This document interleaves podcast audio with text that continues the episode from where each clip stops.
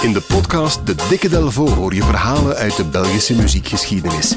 Van Arno tot Sap Mama, van Puerto Rico tot Hollywood aan de Schelde. Duik mee in het rijke Belpoparchief en ontdek de verhalen achter Belgische muziekparels. Samen met Jan Delvo, onze ervaren gids.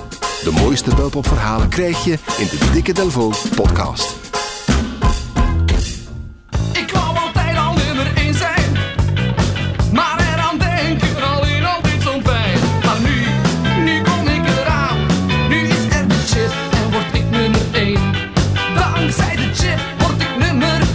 Dankzij de chip word ik nummer 1 van de Kreuners. Voilà, de profetische eerste single van de Kreuners ooit.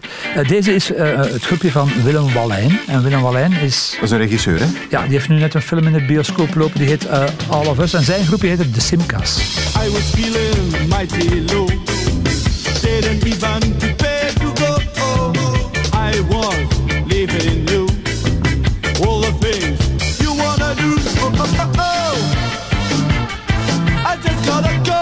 Gotta Go van de Simca's. Ik heb, denk ik, jaren Ja. 70 of zo nog Ja, ja, ja, dat- auto's zien rondrijden die Simca heet. Kan dat? Ja, ja, ja, dat is een verdwenen automerk, een Frans automerk. Naast Cit- Citroën, Peugeot en Renault had je toen nog de Simcas. Dit nummer is trouwens geproduceerd door Guste Koster, uitvinder van het woord belpop. Belpop. Ja, en deze blijft denk ik een absolute topper. I was walking down the street one day. I was walking down the street one day.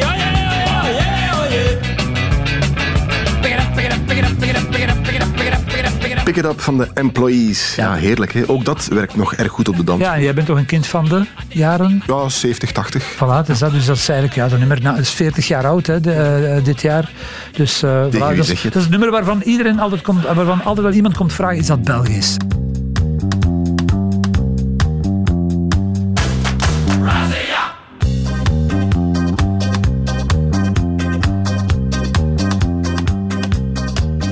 Let's Do the Razzia van der Polizei. Geweldig nummer, kom aan. Niets, niets menselijk is mijn vriend.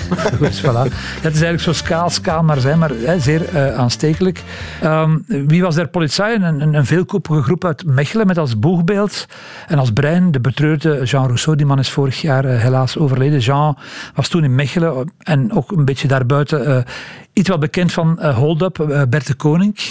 Eh, dat, dat nummer heeft hij ook mee op- op plaats gezet, Bijou.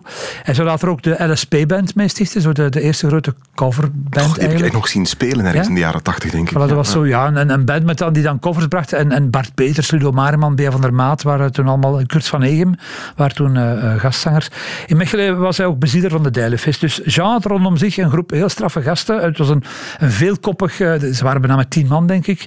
Lokale helden, Paul Poelmans op piano. Ook de zeer jonge overleden gitarist Chris Joostens, Lucas van Echelpoel, dat is een man die vandaag een jeugdtheater heeft in Mechelen. Billy Overloop, zo, eh, de, de crème de la crème eigenlijk, een beetje uit de regio. Die groep had in 1980 de finale van Humo's Rock Rally. Dat was het jaar van Red Zebra, ook nog altijd eh, actief.